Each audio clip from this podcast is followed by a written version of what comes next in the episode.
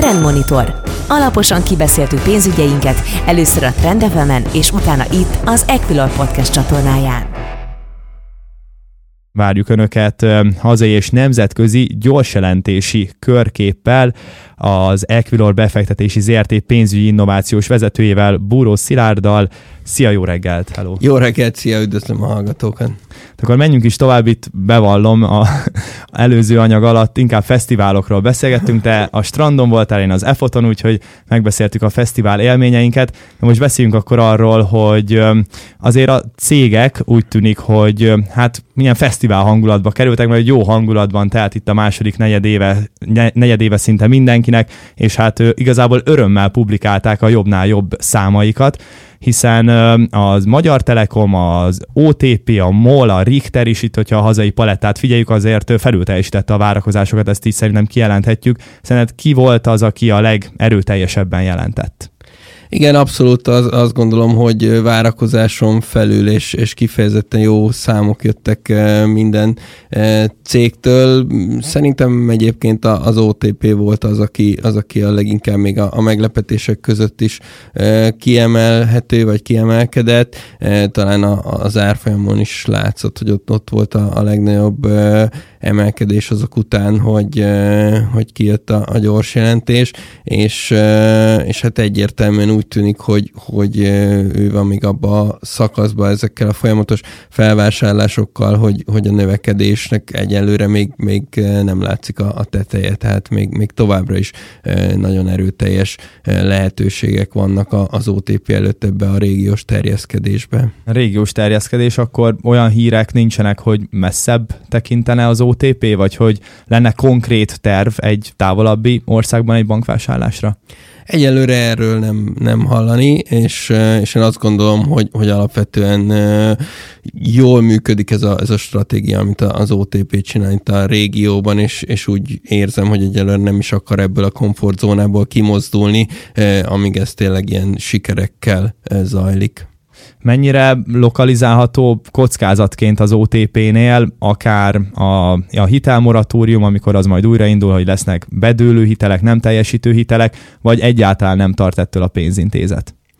Én azt gondolom, hogy ez, ez folyamatosan ott van, mint kockázat, de, de volt már talán elég idő arra, hogy, hogy felkészüljön a, a cég erre, mint céltartalék képzéssel, mint stratégiai lépésekkel, ha esetleg elindulna egy ilyen tömeges helyzet, vagy kialakulna egy ilyen helyzet. Egyelőre úgy érzem, hogy, hogy nincs ebben most akkor a kockázat a, a cég számára, ami, ami mondjuk egy a következő néhány évben súlyosan érinthetné őket. Hát meg ugye más piacokon már véget értek moratóriumok, és azért ott se voltak nagy problémák? Vagy? Így, így van, tehát nem, nem volt sehol olyan szélsőséges helyzet, ami, ami miatt azt lehetne előrevetíteni, hogy itt nálunk ez, ez komolyabban alakulna ki.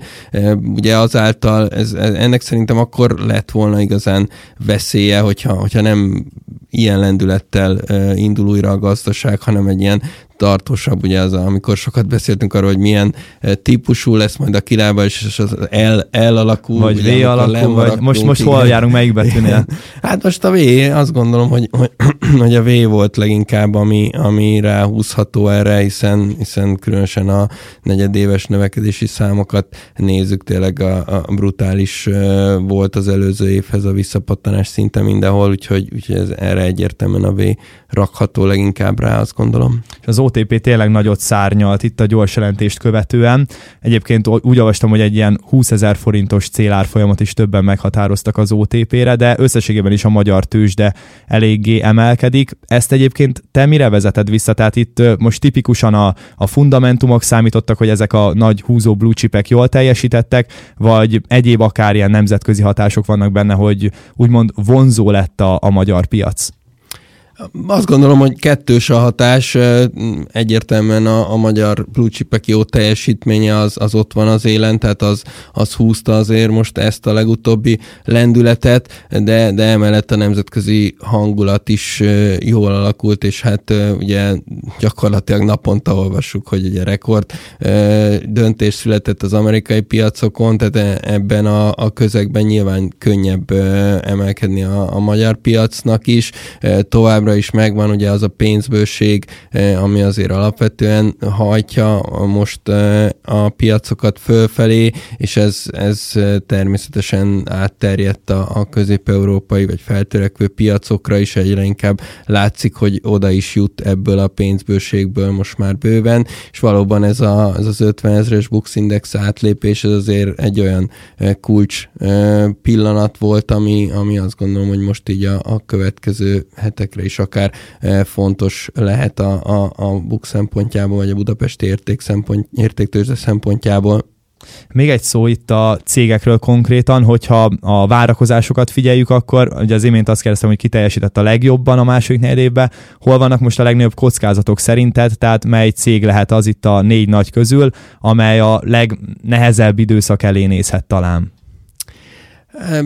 Nehéz ezt, ezt most uh, megmondani, de, de én talán a Richtert mondanám, uh, hogy, hogy ott, ott vannak a leginkább uh, kockázatok. Ugye természetesen a, a, a MOL szempontjából a, az olajár, illetve az akkörüli uh, helyzet alakulás az, az mindenképpen kulcs uh, lesz. Most talán úgy tűnik, hogy ezeken a szinteken azért tud stabilizálódni az olajár, és ez, ez már láthatólag uh, egy jó szint uh, hosszú távon a MOL szempontjából is.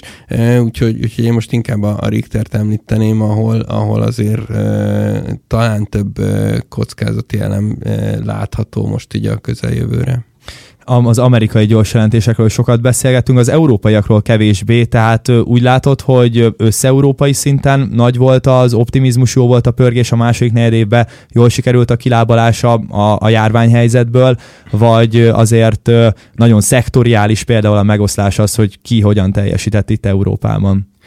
Európában ezért, azért inkább az látható, hogy, hogy nem volt olyan, olyan egységesen és kirobbanóan jó a, a, a, gyorsjelentési időszak, vagy hát a, a cégek teljesítménye. Természetesen itt is azért nagyon sok volt a, a felülteljesítő, de egy picit Amerikában jó, mert egy érdekes adat halmazt találtam, és abban böngészgettem itt ma reggel, hogy a, az S&P cégeknek a 87%-a teljesítette felül a, a várakozásokat, és ez olyan mértékben rekord, amiatt ez a cég csinálja az elemzéseket, ez 2008, tehát azóta nem volt erre példa, és az eddigi csúcs is 79% volt. Pedig most nem brutális. voltak olyan alacsonyak a várakozások, nem? Igen, nyilván itt a, a, az alacsony bázis miatt azért, azért a várakozások is eleve magasan voltak, és ezeket is nagy mértékben sikerült túl teljesíteni. Európában nem volt ennyire brutális a, jó a, a teljesítmény, mint ahogy egyébként a, ugye a GDP számokban is látjuk, hogy azért van némi különbség, de, de alapvetően azt gondolom, hogy, hogy, hogy nincs csak a panaszra így se.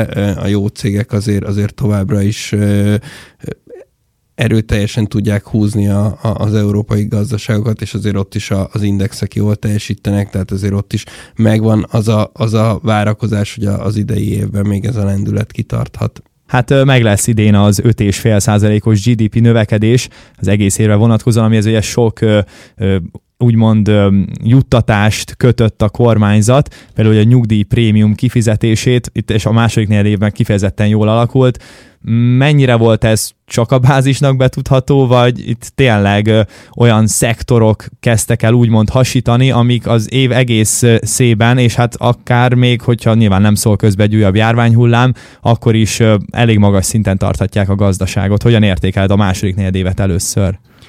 Azt gondolom, hogy azért, azért a kulcs mindenképpen a bázis volt, tehát hogy az, amit től hangos lett ez, a, ez az eredmény, és ez a tényleg soha nem látott mértékű növekedés, az azért alapvetően a bázis miatt e, történt, de természetesen azért, ha kicsit tovább boncolgatjuk, és, és, és a, a számok mélyére nézünk, valóban e, látható mögött egy olyan beindulás, ami mindenképpen pozitív, és azt gondolom, hogy e, hogy még a következő negyed év elejére is mindenképpen áthúzódhat, tehát ez a, ez a július-augusztus azt gondolom, hogy, hogy e, nagy eséllyel ö, hasonló mértékű lendületet tud továbbvinni.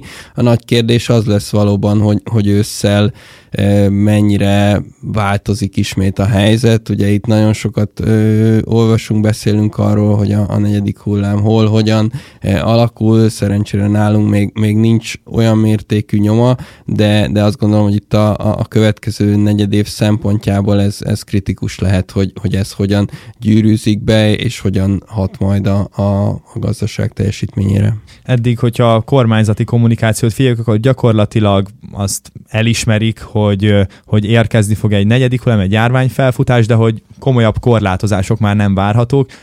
Nyilván erről is lehet beszélgetni, hogy mennyire voltak túlzottak azok a bő egy évvel ezelőtti óriási lezárások, mert hát ugye nem csak járvány következmények, egészségügyi következmények voltak, hanem rengetegen vesztették el az állásukat, és hasonló, nem, nem beszélve, hogy a mentális állapotról a bezártság miatt, de hogy szerinted azért itt, hogyha lesz egy nagyobb negyedik hullám, akkor most már úgymond elfelejthetjük ezeket a lezárásokat, és most kifejezetten akkor arra gondolok, hogy a gyárakat nem fogják mondjuk lezárni. Hát ezt nagyon nehéz megmondani mostani e, tudásunkkal, mert, mert tényleg nagyon vegyes e, hírek érkeznek e, a, a világ különböző pontjairól.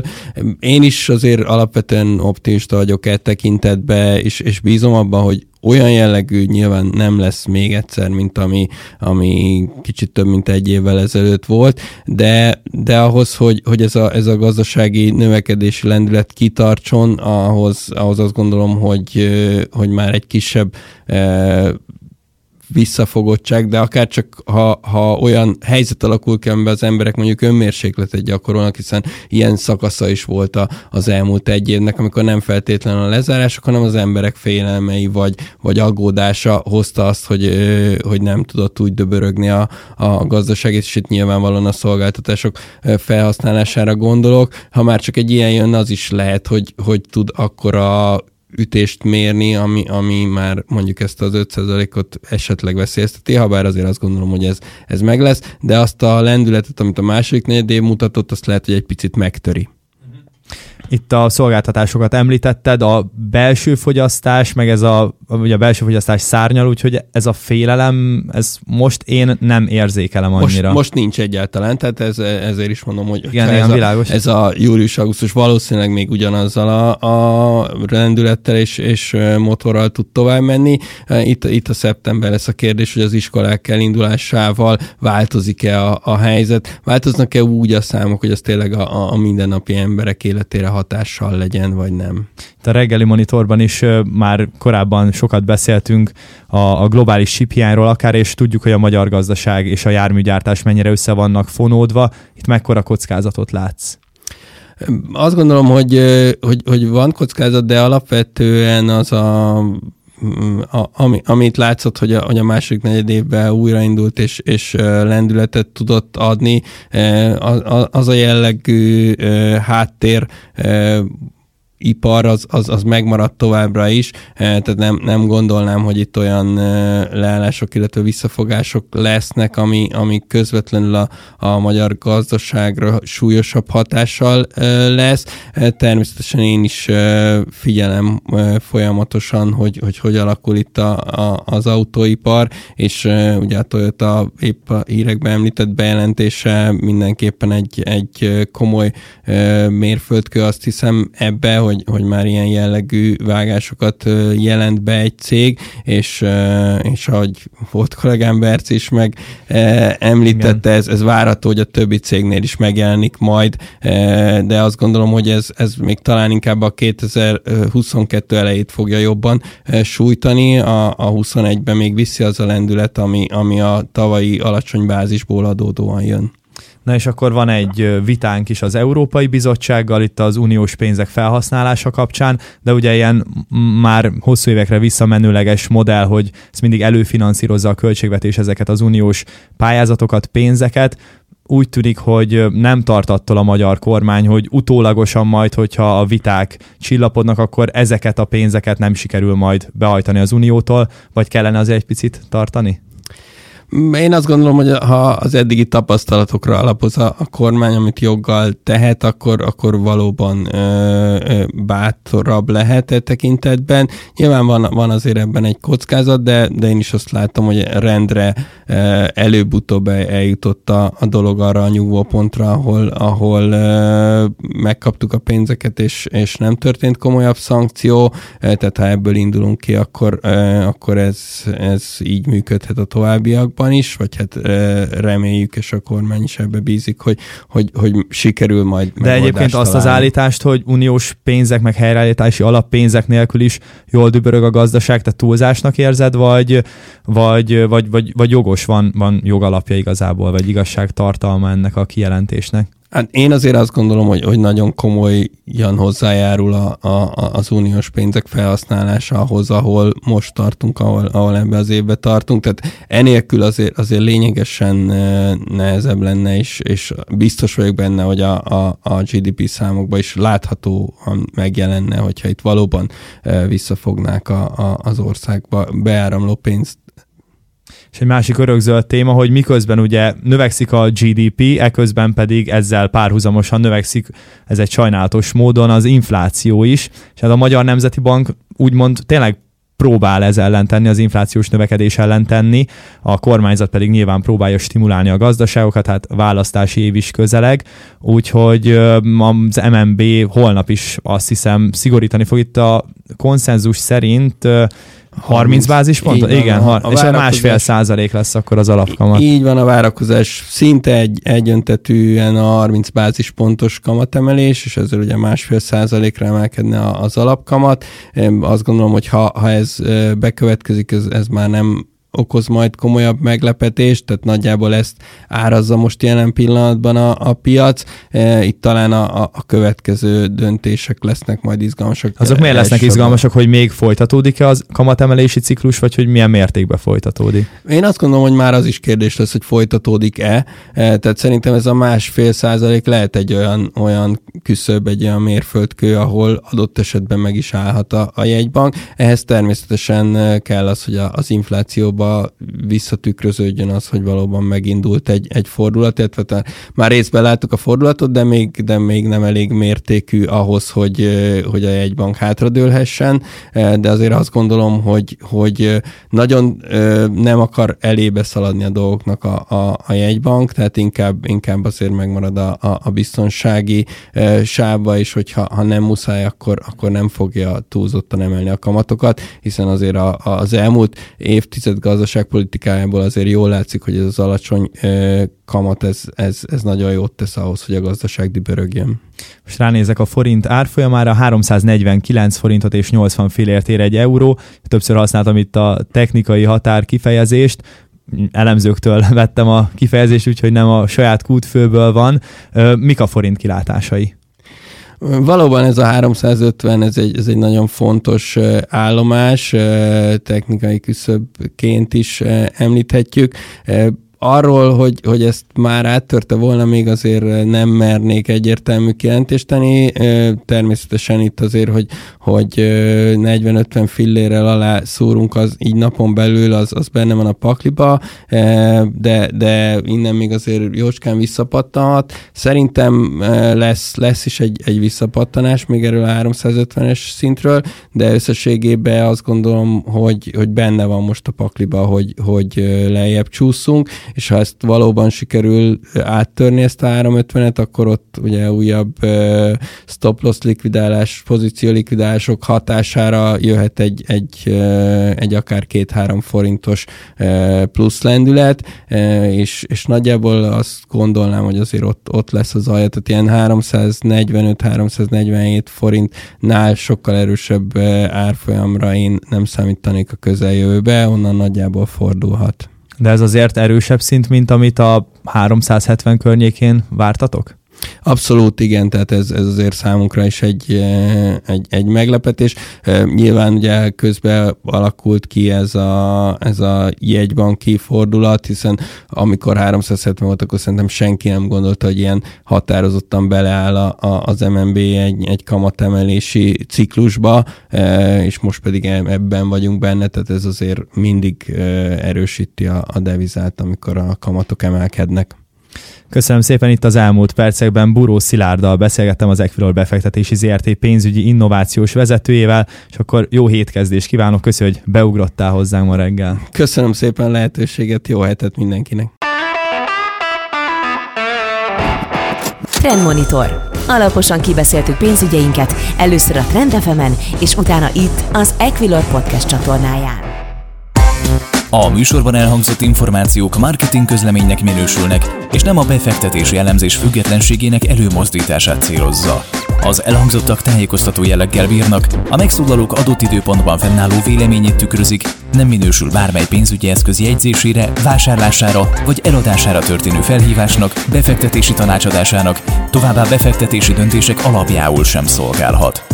Az elhangzottak nem tekinthetők szerződéskötésre vagy kötelezettségvállalásra történő ösztönzésként, azok kizárólag saját felelősségre használhatóak fel. Részletes tájékoztatóért keresse fel honlapunkat www.ekilör.hu